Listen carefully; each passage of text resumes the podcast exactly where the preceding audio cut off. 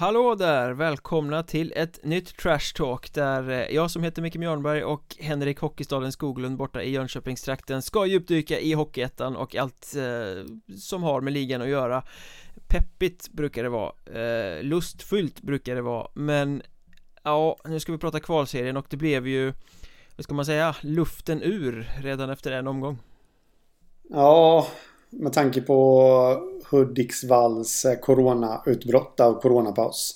Antar jag att du tänker på. För den första omgången var ju, var ju minst sagt sprudlande. Ja, den var ju eh. formidabelt upplyftande med eh, oväntade 9-1 av Nybro mot Mariestad och svintajt mellan Hudiksvall och Troja, så det var ju inte mycket att klaga på Men Nej. just det här att liksom, när den där peppen var igång, när tempen var igång, när det kändes som att åh, det här kan ju bli något Eh, en veckas uppehåll, flyttade matcher, corona det, Alltså för mig så kändes det verkligen så här som att någon bara stack hål på en ballong på något sätt Jo men så var det och jag hade ju taggat som bara den att uh, få kolla på omgång två där uh, i fredags. Uh, för att se då ifall uh, ja, Mariestad skulle kunna studsa tillbaka men framförallt uh, supermötet i uh, Ljungby Arena där mellan Troja och Nybro. Eh, som man väl ändå får säga är tungviktsmötet i den här kvalserien. Men av det blev ju intet. Nej, de matcherna kommer längre fram i kvalserien nu istället för att Hudiksvall fick ju ta en paus. De hade minst fyra smittade, vad jag förstår.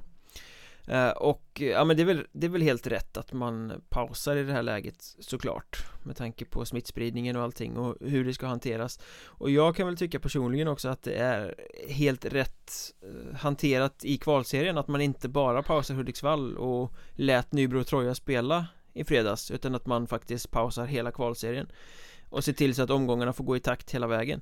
Eh, Jag tycker ja. det är helt rätt sätt att hantera det här när det tyvärr uppstod Ja, nej, jag håller med. Det, man hade nog inte kunnat göra på så mycket annat sätt där. Det, jag vet att vissa skrek efter, efter eh, walkover och sånt, men det blir ju fruktansvärt orättvist. Eh, om lag ska få gratis poäng i en sån här kort serie eh, mot Hudiksvall. Så att, eh, nej, det, det, jag, nej, det fanns inget annat alternativ än att pausa hela. För att det enda andra alternativet hade varit att låta de tre andra lagen spela och sen låta Hudiksvall spela ikapp sig. Men det hade ju också blivit orättvist för det... Ja, men det funkar ju inte. Då kommer ju folk nej. kunna spela på resultat och, och anpassa liksom hela sitt spel efter vad andra har gjort. Precis. Hela poängen med en kvalserie är att man spelar samtidigt så att det blir nerven i det. Ja. Sen är det ju fantastiskt tråkigt som sagt att det blir så här att det blir en paus och eh, Sen tycker väl inte jag personligen att det är något större problem att de får spela varannan dag De fem sista omgångarna sen. Eh, Det klarar väl lagen av. Så länge det inte kommer mer corona Får ju bara hoppas att det inte kommer något utbrott i något nytt lag nu. För då känns det som att folk kan tappa intresset. Det blir ju, jag läste en intervju igår. Jag tror att det var i Smålänningen med Daniel Håkansson klubbdirektör i Troja Ljungby där att eh, kontrakten går ut. Eh, I alla fall för dem. Troja då 30 april. Mm. och det, det, kan ju bli lite kärvt att spela in i maj där. Men då sa ju han, för då, då kan det ju vara så att spelarna har klart med en, en ny arbetsgivare. Om vi leker med tanken då att den är i allsvenskan så kanske de vill samla sina spelare där. men då sa han något intressant att registreringen går ändå inte igenom förrän den 15 maj. Så de har ändå, skulle det gå in i maj så har de ändå två veckor till på sig.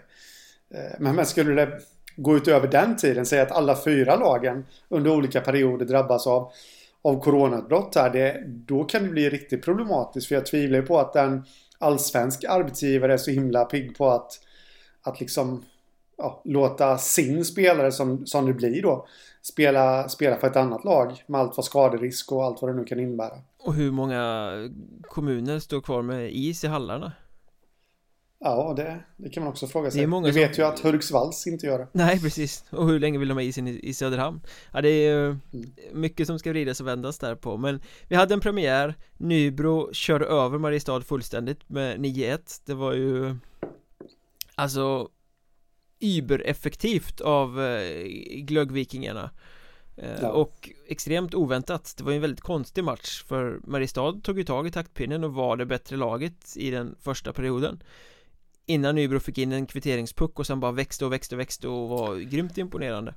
Eh, Samtidigt ja. som ju Troja och Hudiksvall spelade en svintajt match mm. eh, i, som, som, Troja vann efter sadden mm.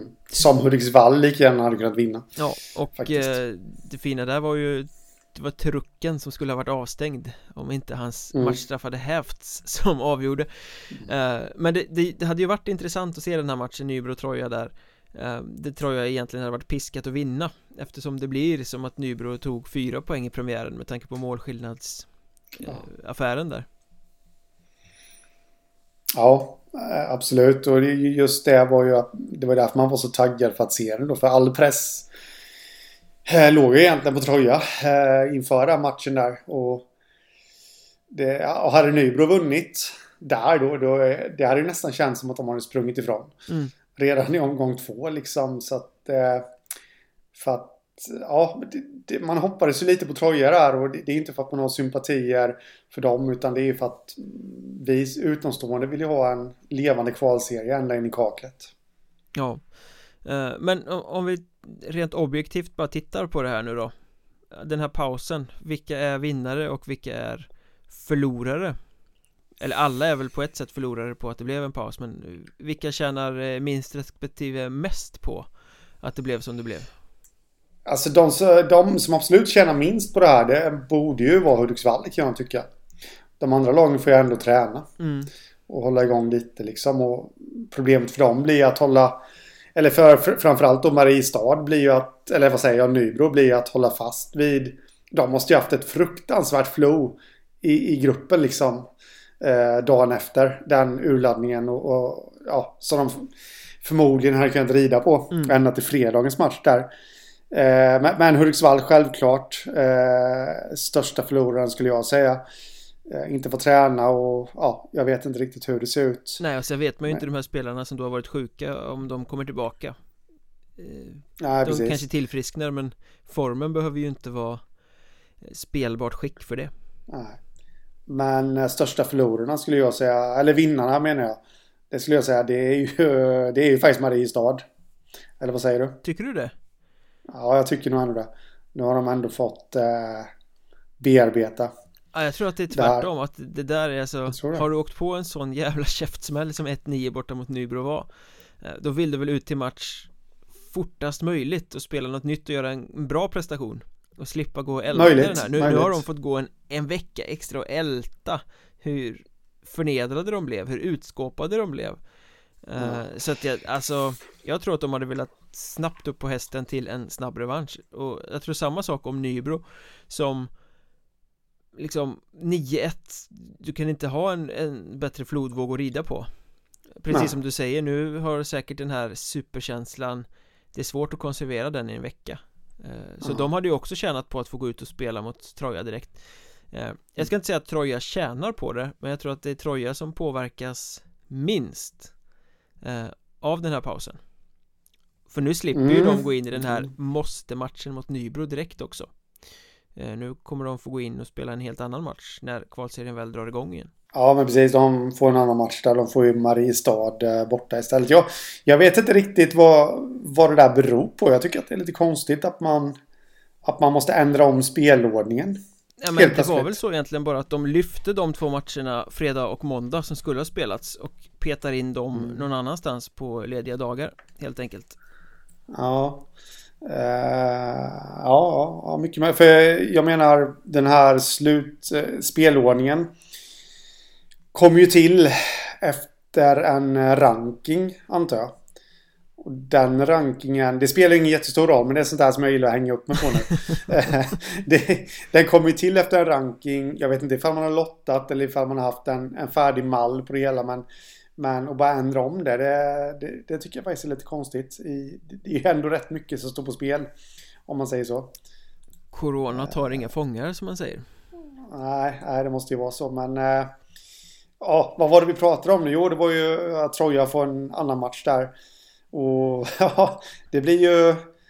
Jag utsåg ju Mariestad till de största vinnarna och, och, du säger ju att Troja är de som har förlorat minst. Så det kan ju bli ett intressant möte. Verkligen. Just ur den aspekten.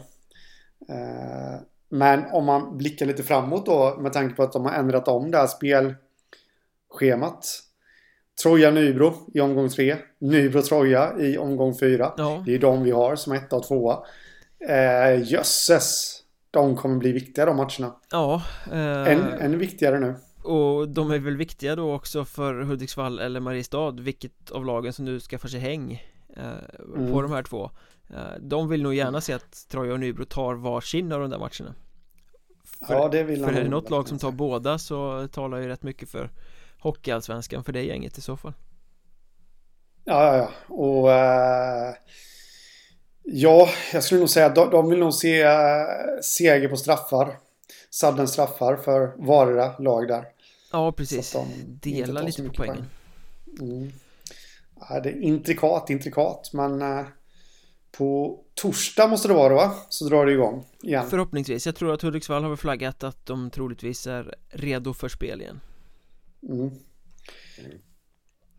Men vi släpper kvalserien, vi, vi kommer ju få anledning att återkomma till den helt enkelt Vi hade annat kval här i, nu spelar vi in på måndagen och söndagskvällen bjöd på ett avgörande i playout från SHL och varför pratar vi om playout från SHL i en podd som eh, avhandlar Hockeyettan? Jo, det blev ju eh, regalskeppet HV71 som gick i sank och sjönk raka vägen ner i Hockeyallsvenskan och det kan ju faktiskt få ganska stora konsekvenser för HC Dalen i Hockeyettan eller vad tror vi? Ja. Är det positivt eller är det negativt för Dalen att HV kommer spela i Allsvenskan nästa säsong? Uh, på kort sikt skulle jag säga att det är negativt. På längre sikt så tror jag nog ändå att det kan vara positivt. För Dalen. Men uh, om man kollar, uh, ja vad ska vi börja egentligen? Ja, men om man tänker så här, när HV har varit i SHL så har de inte varit så där jätteintresserade av att samarbeta med Dalen. Visst, det har varit någon J20-spelare utlånad hit eller dit Men det har ju inte liksom De har ju inte använt Dalen på det sätt som man tycker att de kanske borde göra eh, För att ha spelare i spel nära och sådär. Det kanske, förutsatt att HV blir kvar ett tag i Allsvenskan, kan bli bättre.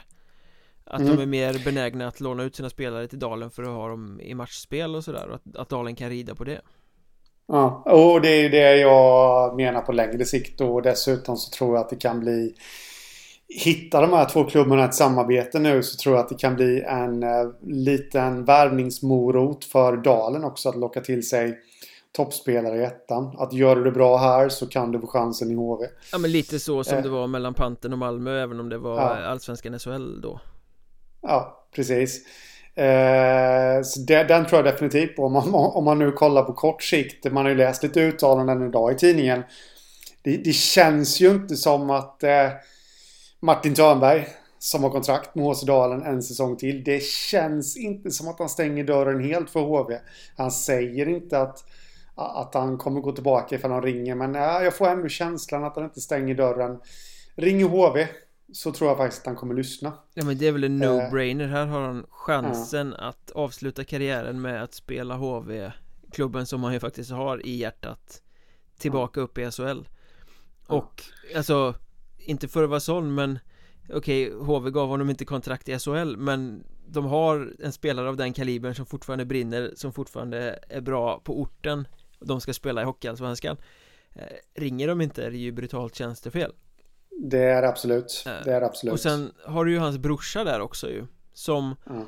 Ja men han är väl liksom en Allsvensk spelare Egentligen. Ja, absolut. Och ja. det har ju ryktats att HC Dalen har varit lite nyfikna på att försöka få tillbaka honom till kommande säsong igen.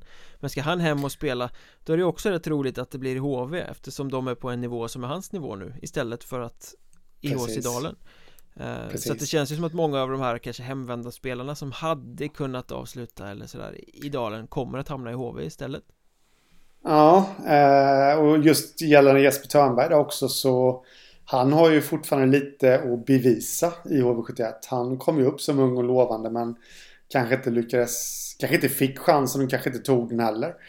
Att bli en SHL-spelare i HV eller bli en alltså, tongivande spelare i HV. Det har han ju absolut möjlighet till att bli nu så jag tror nog mer på den faktiskt att Jesper Törnberg går till HV än vad jag tror att Martin Törnberg gör det. Men eh, jag tror definitivt att bägge två kommer få erbjudanden. Sen eh, om man kikar lite på en sån som Jakob Slitsberg. Backen som var, ja, om kanske inte Hockeyettans bästa back så absolut en av de bästa här nu den här säsongen. Jag tror inte han hade stannat i dalen ändå men han lär ju också hamna i HV. Det tror jag. Eh, jag tror inte att en sån som Kristoffer Persson hade fortsatt i dalen heller. Men det är inte omöjligt att han förlänger sin karriär i Allsvenskan nu. Eh, däremot så en, två stycken. Johan Malmborg.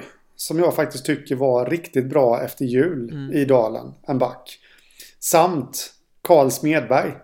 Där har vi en center. Där har vi två spelare som mycket väl hade kunnat stanna i dalen. För att få en säsong till i ettan. Men som jag tror eh, kanske, kanske, kanske skulle kunna få chansen i HV. Och, och, det är det jag menar med att, att det är illa för Dalen på kort sikt det här då. Att de kan bli av med Martin Törnberg. De kan bli av, nu har de inte kontrakt med vare sig Smedberg eller Malmborg om jag minns rätt här nu. Men det känns ju som att kommer HV erbjuder de kontrakt så tar de hellre det än Dalen. På Malmborg och eh, Smedberg där. Mm. Så att eh, det tror jag kan drabba Dalen lite där. Vad säger vi om Pelle Gustafsson då? Han har varit i, i många år i Dalen nu, sportchef och tränare både och Ehm, HV måste ju bygga någonting nytt, de måste ju visa någonting för stan liksom, de måste bygga någon identitet igen. Det har ju varit ett, ett eh, sjunkande skepp med eh, lösryckta värvningar utifrån på något sätt. Det känns ju som att de måste bygga en HV-kärna igen för att blidka Jönköping Säger jag i mitt utifrån eh, perspektiv här. Eh, kan det inte vara en poäng då att HV kanske skulle vilja rycka upp Pelle Gustafsson från Dalen och sätta in i en, en allsvensk tränartrojka? Kanske inte som huvudtränare men en del i, i ledarteamet. Uh, Händer det så står ju Dalen där liksom Bort med spelare, bort med mannen som har varit dynamon i klubben länge. Då kan det ju bli ett haveri. Det kan absolut bli. Uh, jag tror inte att, uh, just med tanke på hur, eh, om man tar det ur HV-perspektivet då, just med tanke på hur snacket har gått i Jönköping i år, att, eh, att det är familjen som styr. Och då tänker jag ju på då att det är eh, Johan Hult som sportchef och Niklas Ram som inledde som huvudtränare. Det är två gamla HV-spelare. Jag tror att HV passar sig väldigt noga för att värva en eh, huvudtränare nu som har spelat i klubben innan. Det tror jag. Så det, det tror jag inte är aktuellt. Men som du sa, där ingår i en tränartrojka. Absolut. Um, det tror jag, men jag vet inte riktigt. Jag, jag får känslan och detta är bara en känsla som jag har nu. Jag, jag, jag får känslan över att Pelle Gustafsson som nyligen skrev två år till medalen. Ah, jag tror nog att han vill fullfölja dem faktiskt. Eh, så jag, han kan mycket väl få ett erbjudande men jag tror nog ändå att han stannar. Det är bara en känsla jag har. Men allt som allt eh, på kort sikt inte så bra för Dalen att eh, HV Nej. degraderade Nej, jag tror faktiskt inte det. Inte när man har sådana här kalasspelare i, i truppen som man har eh, ändå. Eller som man hade den här säsongen då. Så tror jag faktiskt att det var, det var lite dumt just den här säsongen. Det hade varit bättre efter förra i så fall. Mm. Eller förra, förra. Eller hur man nu ska benämna säsongerna. Men, eh, ja. Men om vi eh, blickar vidare mot lite andra rykten på tränarbänkar eh, etc så Magnus Sundqvist.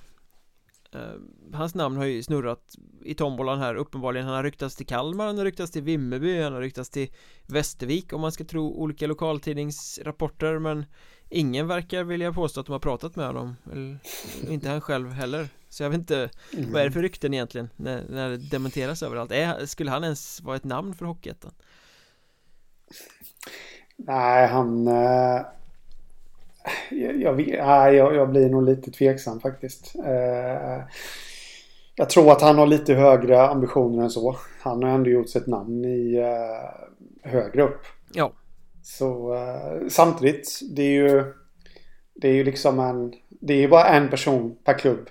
24 elitklubbar då som kan bli huvudtränare. Så ja, visst. Får, får han lite hugg högre upp så så är det väl klart att han Eller 24-28 menar jag till ja, 14 jag, jag var vänlig nog att inte rätta dig Men nej, jag vet. Det känns det lite som att han har lagt Hockeyettan bakom sig. Eller ja, han har ju inte ens varit där.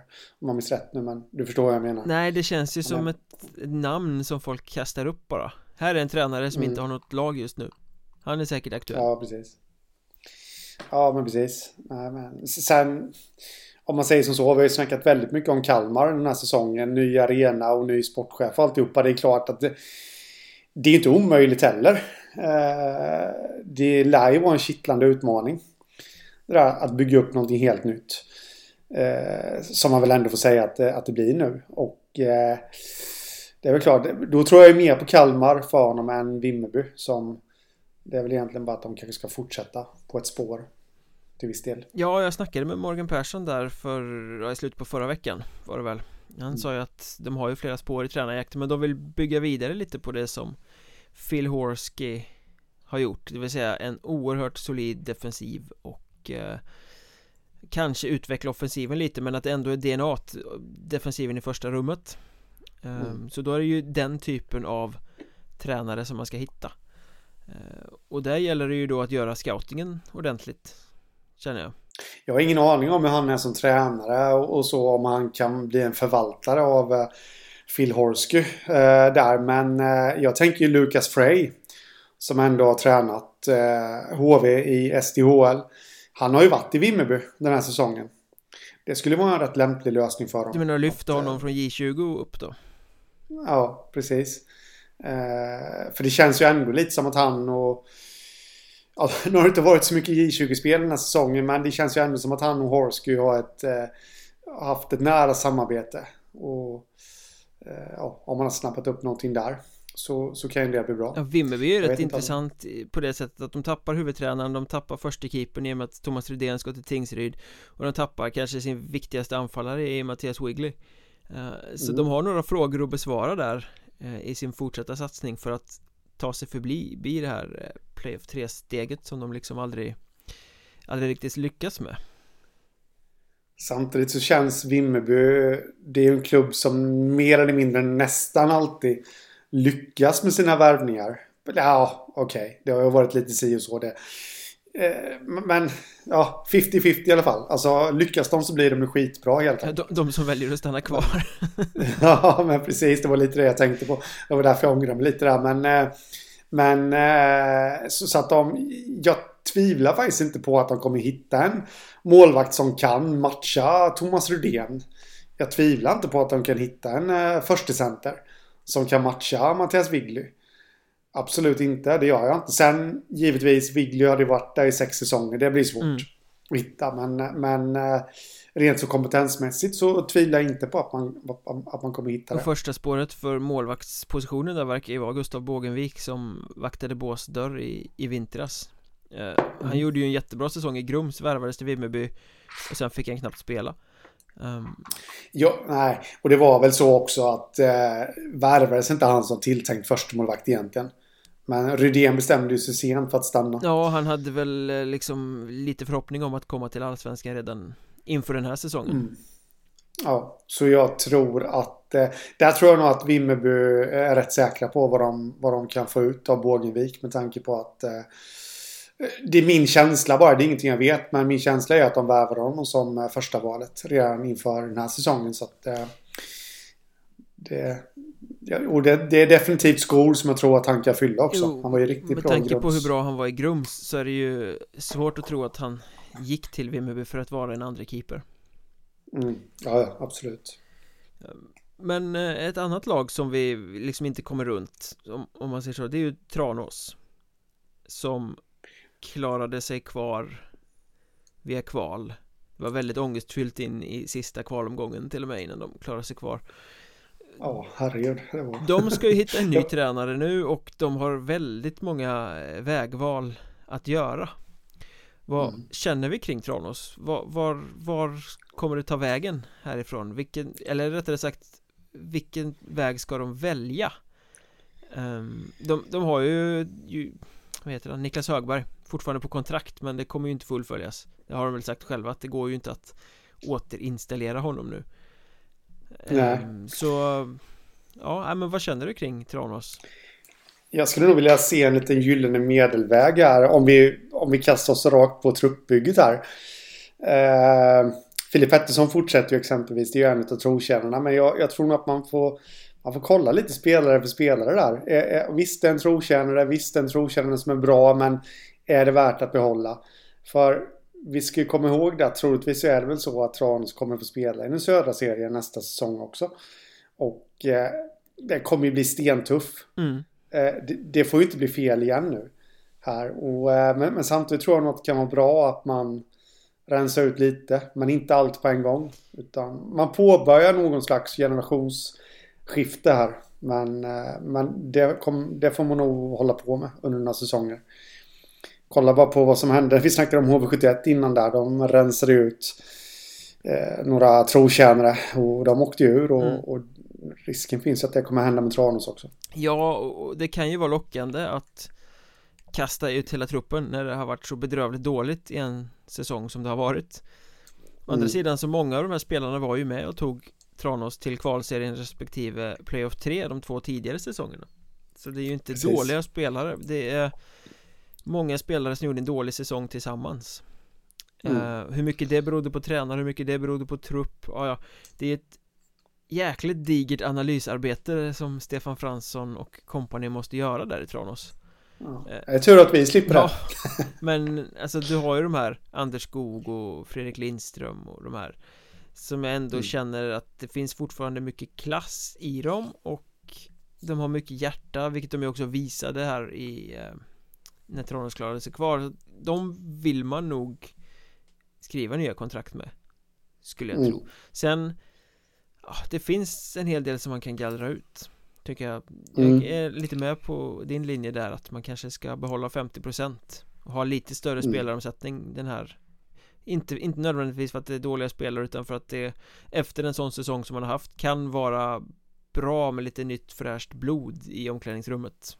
för att ja. få in någon annan grej På något sätt ja, Gällande tränare där så tror jag att eh, Jag tror man måste hitta någon som Har Väldigt eh, lika attribut som Karl Helmersson hade eh, en, en lugn tränare men ändå som kan ställa krav Var det inte det man trodde att man hade eh. hittat i, i Högberg?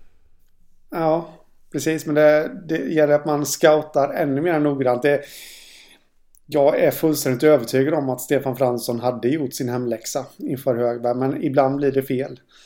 Eh, men att man scoutar ännu mer noggrannare nu. Kanske då till och med går... Högberg är ju lite äldre. Eh, Helmersson kom in som ändå yngre. Mm. Eh, ja, ta någon i, i den 35-årsåldern som vill uppåt. Ska vi ta Lukas Frey där också? kan, kan träna. Han har väl varit i Tranås, har han inte det? Ja, han har spelat i Tranås. Nej då, men, men skämt åsido. Jag tror att Tranås mådde väldigt, väldigt bra under Karl Helmerssons ledning. Ja, det är ju rätt uppenbart och... om man tittar på resultaten. Vad de blev under hans ledning kontra vad de var innan. Ja. Och vad de blev efter också ja. för den delen. Ja, nej men exakt. Och, och det är därför jag tror att, äh, ja, gå tillbaka till grunderna lite. Eh, eller grunderna, men du förstår vad jag menar. Backa bandet och, och hitta någon som, jag har ingen aning om vem det skulle kunna vara. Men eh, någon som påminner. Mm. Om honom och eh, någon som är lite yngre som, som ja, början utav sin, utav sin karriär. Då måste du på något sätt bygga en eh, ett ganska starkt ledarteam omkring den personen då. Ja, absolut. För det är svårt att nå som ung tränare, gå in och vara ganska ensam och eh, nå omedelbar framgång. Ja, precis. Men de, vad gjorde de? De skapade ett sportråd där i Tranås? Ja. Sportråd. Det är väldigt, ja, ja, väldigt ja, diffus eh, beskrivning. Det var lite gamla spelare mm. och allt vad det nu var som skulle sitta i det där. Nej men alltså det, det är ju inte för att göra mig rolig Eller liksom dissa Tranås för fem öre Men rent generellt så är jag faktiskt Jag är lite allergisk mot det här med sportråd för det är Ja, men för det första kan man komma på ett enda lag som någonsin har lyckats med ett sportråd. Nej. Och då menar jag alltså lyckats bli ett topplag. Eh, spontant så nej. Men vad är ett sportråd egentligen? Det. det är ju alltså inte en sportgrupp utan det här är ju Någonting med lite mindre makt På något sätt Rå, Rådgivare, ja. eller? Mm. Nej, jag, jag, vet, jag vet faktiskt inte Rådgivare tänker jag att det har väl alla sportchefer oavsett vad man kallar det på något sätt så Ja Det är bara ett sätt, en uh, omskrivning för att säga att vi kommer lyssna på lite andra folk i vår rekryteringsprocess Eller, uh, mm. di, uh, diffust som sagt Ja, precis. Eh, då, ja, nej. Det, det, är bara att jag är allergisk mot uh, ordet spottråd. För det, jag tycker inte att det, det, det signalerar inte framgång om man säger så. Nu, nu kan jag låta jättehemsk och alltihopa det här, men jag, jag, tror faktiskt att en eh, organisation, oavsett vilken organisation den är, mår bra av att ha en utpekad ansvarig på varje på varje position. Eh, en som man antingen kan gå och hylla eller en som man kan gå och hänga ifall det går fel.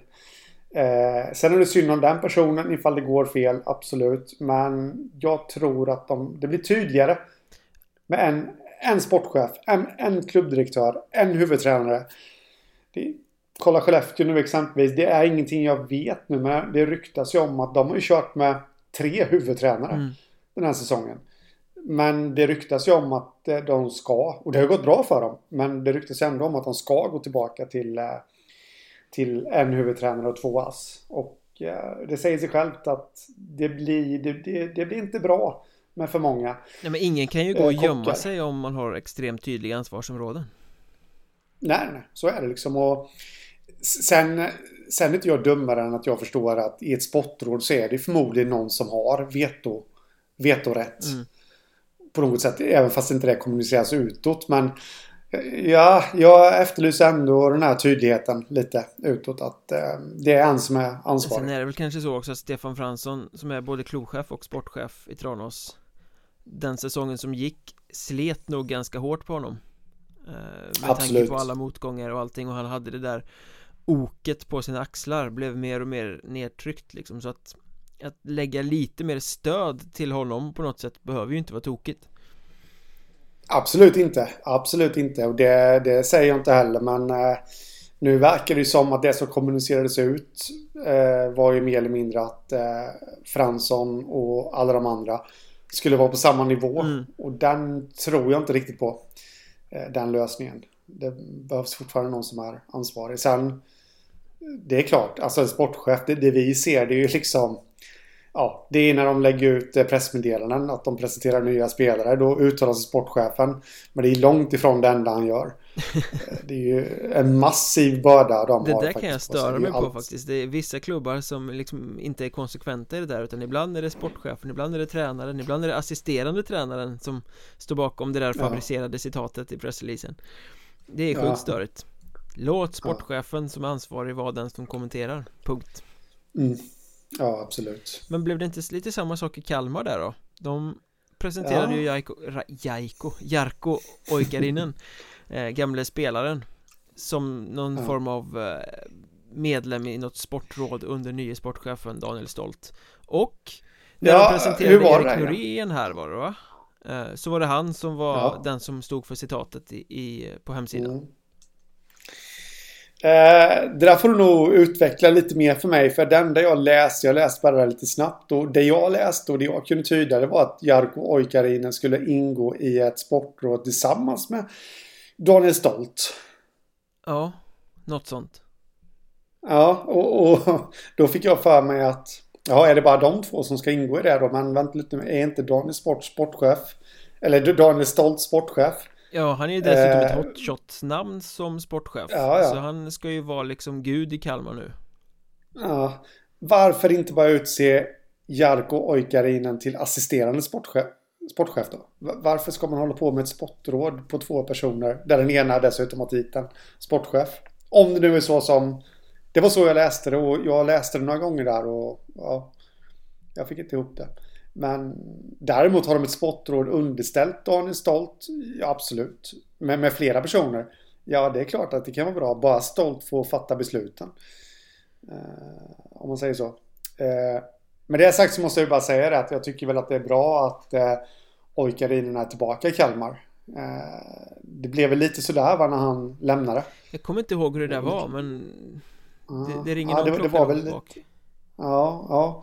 Det gör hos mig med. Och det är skönt att han är tillbaka för dem tror jag. För att han är ju, det, det verkar, uppfattningen jag får är ju att han brinner för Kalmar HC. Jag kan inte prata idag. Har du tänkt på att med din dialekt så låter det också som att du säger sportråd istället för sportråd? Och det är det, sportråd, ja. det passar ju ganska bra eh, liksom som beskrivning vad du tycker om fenomenet. Ja men ungefär. Det är de man sätter på läktaren som får spotta på spelarna ja, ifall de inte gör det bra liksom. Vi spottar på termen uh, sportråd. Uh, mm. En annan vinkel på det där har ju Mörrum bestämde det för några månader sedan och Borlänge har ju också gjort det nu efter de här kaoset under säsongen när sportchefen Mattias Bergdahl och eh, tränaren Stefan Gustafsson och andra i föreningen inte alls drog jämnt Det har varit väldigt dramatiskt bakom kulisserna i Borlänge vilket kanske förklarar eh, varför det gick som det gick den här säsongen. Eh, Men nu ska ju då alltså Stefan Gustafsson vara både tränare och sportchef. Precis som i Mörrum där Thomas Engman då är både tränare och sportchef. Eh, mm. Och det finns ju flera andra eh, klubbar i, i Hockeyettan som har det så också. Men vad tycker du om det då? När det liksom, där har du ju en väldigt tydlig person Men på, eller i två roller Mm. Eh, jag har väl inte så jättemycket emot det egentligen förutom att eh, jag känner väl att det kan bli en väldigt hög arbetsbörda på, eh, på den personen. Eh, och risken jag säger inte att det kommer bli så, men risken finns ju att, eh, att eh, tränaren, Eh, det är ju samma personer då, men tränaren liksom lägger allt fokus på tränarlaget så länge som, eh, som man är igång med spel och sen kliver han in i sportchefsrollen när säsongen är slut och då kan det ju vara lite för sent. Då kan det ju vara spelare i truppen som är lite sura över att de inte har fått något kontraktsförslag. Man kan ha gått miste om spelare utifrån allt det där. Eh, för jag tror att det kan bli för hög arbetsbelastning både tränare och sportchef samtidigt. Eh, när truppen ska formas och, och alltihopa det där. Eh, men på det stora hela har jag väl egentligen ingenting emot det så. Det har ju funkat förr i Hockeyettan. Det är väl högre upp som det kanske kan bli lite, lite väl hög arbetsbörda. Jag tycker ju att eh, det där är värdelöst faktiskt Jag, jag förstår mm. det ur ekonomisk synvinkel Det är väldigt mycket billigare att ha en person som gör båda rollerna Men jag tycker att det ska vara två väldigt separerade roller. Uh, För jag menar Någonstans så måste ju både tränare och spelare ha ett annat bollplank. Man kanske inte är nöjd med sin situation i laget eller någonting sånt där. Då bör du kunna mm. gå till sportchefen och ventilera sånt. Um, Nu är tränaren och sportchefen samma person. Alltså det, det blir en eh, Vad ska man säga? Ett, en nyans till som går förlorad När du bara har mm. en person eh, och, och, sportchefen ja. ska ha fullt ansvar för att värva spelare Givetvis i samråd med tränaren så att det blir Spelare som tränaren vill ha Men det är olika kompetenser eh, På något sätt Jag vet att i vissa klubbar så är det ju som så att eh, där har man ju, även fast det inte är uttalat, men då har man ju andra personer i föreningen som, som exempelvis kanske någon styrelsemedlem som, som fungerar också som en slags sportchef, om du mm. förstår. Eh, är mycket möjligt då att de, att de kör en sån lösning så att skulle den situationen uppstå så, så är det den att, ja, då får man hoppas att en sån sak blir tydligt då att är det en sportchefsfråga gällande speltid och sånt där liksom, då, då får du gå till den här personen istället. Eh, så det, jag förstår hur du tänker och hur du menar och jag håller med. Men samtidigt så tror jag att det finns en väg runt det där också. Sen hamnar man ju också i den här situationen när det börjar gå dåligt.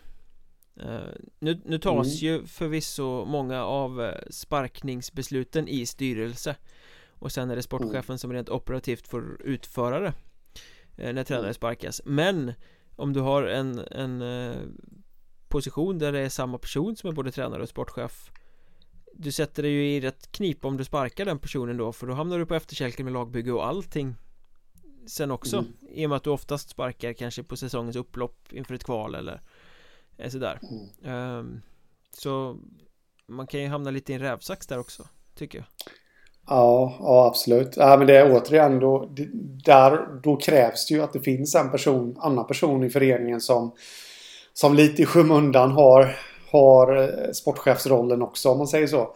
Så att man snabbt kan ersätta det. Mm. Och det är väl lite samma sak, jag hatar ju när sportchefer går och ställer sig i båset När det finns en, en sportchef så att säga Tränarens chef ska plötsligt kliva ner och vara någon sorts ass Också väldigt, mm. väldigt konstigt Ja, det, det, det håller jag med dig till punkt och pricka. Det, det förstår inte jag heller. Det, det, det, känns som att det blir skevt där faktiskt. Härligt att vi är lite oense om en sån sak i alla fall. Men eh, ja, härmed inte sagt och det ska understrykas att jag tror ju inte att Stefan Gustafsson eller Thomas Engman på något sätt är fel för de rollerna. Eh, Det har ingenting med person att göra, det har bara att jag tycker att rollerna ska inte sammanblandas. Nej. Enköping tappade sin tränare också.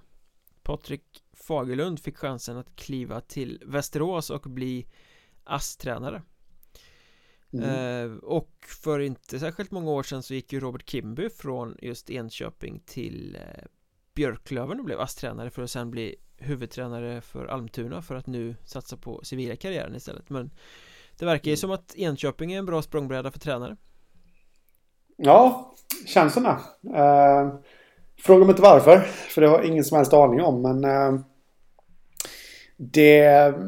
Ja, vad, vad, kan det bero på egentligen? Har du något bra svar på det? Ja, man får väl ta ett ganska stort ansvar i den typen av liten förening eh, Som mm. inte har heller muskler för att eh, värva något storlag men som heller inte sätter samman dåliga lag så man får då ganska goda förutsättningar att sätta sin egen prägel och utvecklas där Skulle jag kunna tänka mig mm. Ja, det kan vara så Tror du han är redo för Hockeyallsvenskan då? Efter några år i Köping och så steget till Enköping och nu äh, Det är väl Pannanen som är kvar som huvudtränare i Västerås mm. Ja men vad jag, ja men det tror jag absolut eh, att han är. Eh, Han tog ju ändå Enköping till allettan och En andra plats där i östra serien så att eh, Det tror jag. Han har ju dessutom aldrig lämnat Västerås. Jag läste en intervju med honom På Västerås hemsida tror jag att det var och Han har ju varit kvar där på Hockeygymnasiet tror jag. Mm. Så han, han är ju redan inkörd i föreningen och det blir liksom ingen sån inkörningsperiod eller något utan nej det, det tror jag absolut att den är. Jag uppskattar det här också när allsvenska klubbar vågar satsa på coacher från Hockeyettan. Ja, ja absolut. Alltså det, är ju, ja, det, det är ju en talangpool på samma sätt som det är för spelare Om man ja, ser det så. ja, ja.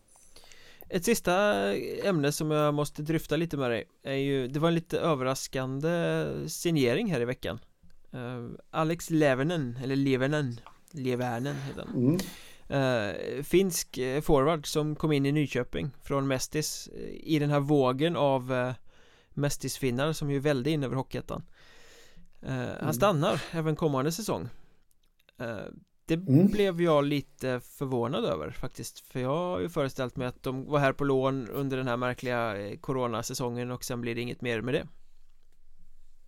Nej. Nej men det, det var samma sak för mig där faktiskt. Eh, Jag trodde också att eh, vi bara skulle få njuta av de här mästersfinnarna under en sommar. Eller hur man nu säger På men, sommaren vet fan om man njuter om man inte ja, har en fetisch för att titta på barmarksträning ja, ja, nej, det är, är det hockey så är det sommar. I sinnet. Så är det, men eh, ja, vi får väl se det. Jag vet inte om det är någon fingervisning på om det kan bli fortsättning för fler det här, men eh, det kan ju vara en miljon anledningar, andra anledningar till att han skrev på. Men man, man är ju lite nyfiken på hur snacket går där i Finland faktiskt. Jag förstår ju inte finska så Eh, jag vet ju inte riktigt. Eh, alltså kan det bli så att, att det lutar åt att de inte kör Mestis nästa säsong heller? Då, då kan vi få se en massa skickliga spelare. Det har svårt att se ett sånt beslut nu. Alltså med så pass långt ja, men, säsong. Men det kan ju ändå vara hur vindarna blåser, så att säga. Mm. Lite.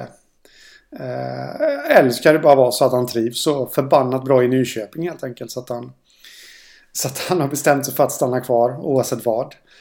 Det är ju liksom, ja, det kan ju bero på väldigt många ja, saker. Ja, och eh, jag har inte jättekoll på honom som spelare Men att döma av eh, snacket i Nyköping så verkar han ha gjort ett ganska stort avtryck under den korta tid han var i klubben eh, Så att ja.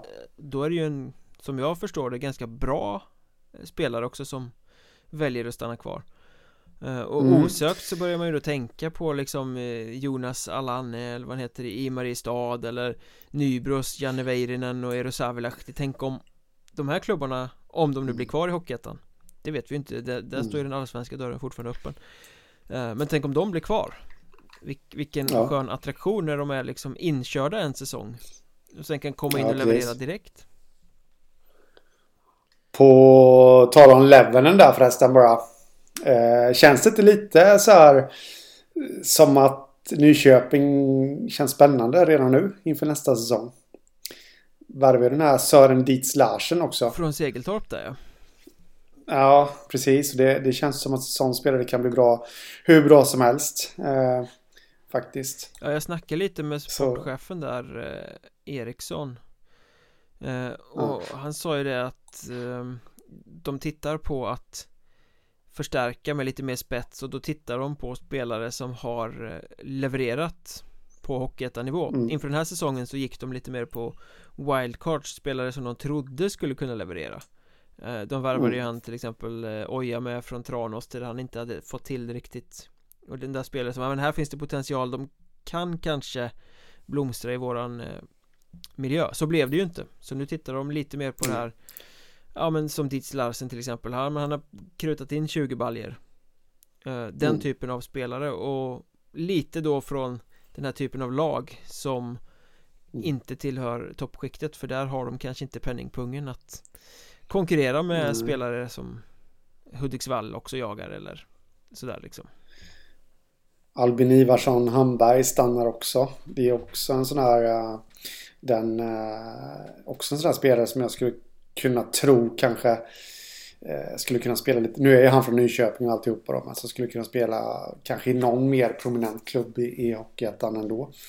Eh, men han stannar ju, han är ju kritat på också. Så, ja. mm, de har skrivit med en ganska stor del av en ung stomme. Det som är kritiskt mm. för dem är väl då förutom värvningar utifrån att lyckas behålla Robin Axbom på backen, Christian Axelsson, eh, bäste målskytten där, vad gjorde han? 24 mål eller något mm. sånt där. Eh, och målvakten ja, framförallt Daniel Fahlström Eh, han blickar mm. ju mot Hockeyallsvenskan och han är väl egentligen värd en chans att få testa i Hockeyallsvenskan uh, Men det är ju väldigt många målvakter i Hockeyettan den här säsongen som är liksom på den nivån Så där gäller det ju att ha tur också mm. att lyckas slinka igenom rätt nålsöga mm. och, ja, och händer inte absolut. det så har då Nyköping ganska goda chanser att skriva kvar honom och får de ha kvar honom Ja men då kan de ju verkligen satsa mot en alletta nästa säsong Oavsett om de hamnar i östra eller västra. Mm. Men vi ska fortsätta på Patreon, vi ska snacka lite ja, men vad vi tänker kring eh, värvningar och lagbyggen inför kommande säsong. Lite löst snack om silly season helt enkelt. Eh, Och Patreon, det är ju den här sajten där man kan stödja poddmakare som oss om man tycker att vi gör något bra, några dollar i månaden så kan vi göra podden ännu bättre och vi bjuder på bonusmaterial i samband med varje eh, poddavsnitt. Tack ni som stödjer oss, det värmer ofantligt och eh, gå in på patreon.com, sök efter Mjölnbergs Trash Talk så hittar ni all info om hur det där funkar. Vi finns i sociala medier också, att Mjolberg heter jag, att Hockeystaden heter Henrik, att Mjolberg podd heter poddens Twitterkonto, där dyker det också upp en hel del nyheter kring Hockeyettan och sådär. Eh, Det var väl väl sammanfattat du, jag hade inte kunnat göra det bättre själv. Då är det bra. Då är det riktigt bra. Ja, då är det bra. Då är det riktigt bra. Eh, vi hörs snart. Det gör vi. Ha det gött. Detsamma. Tja.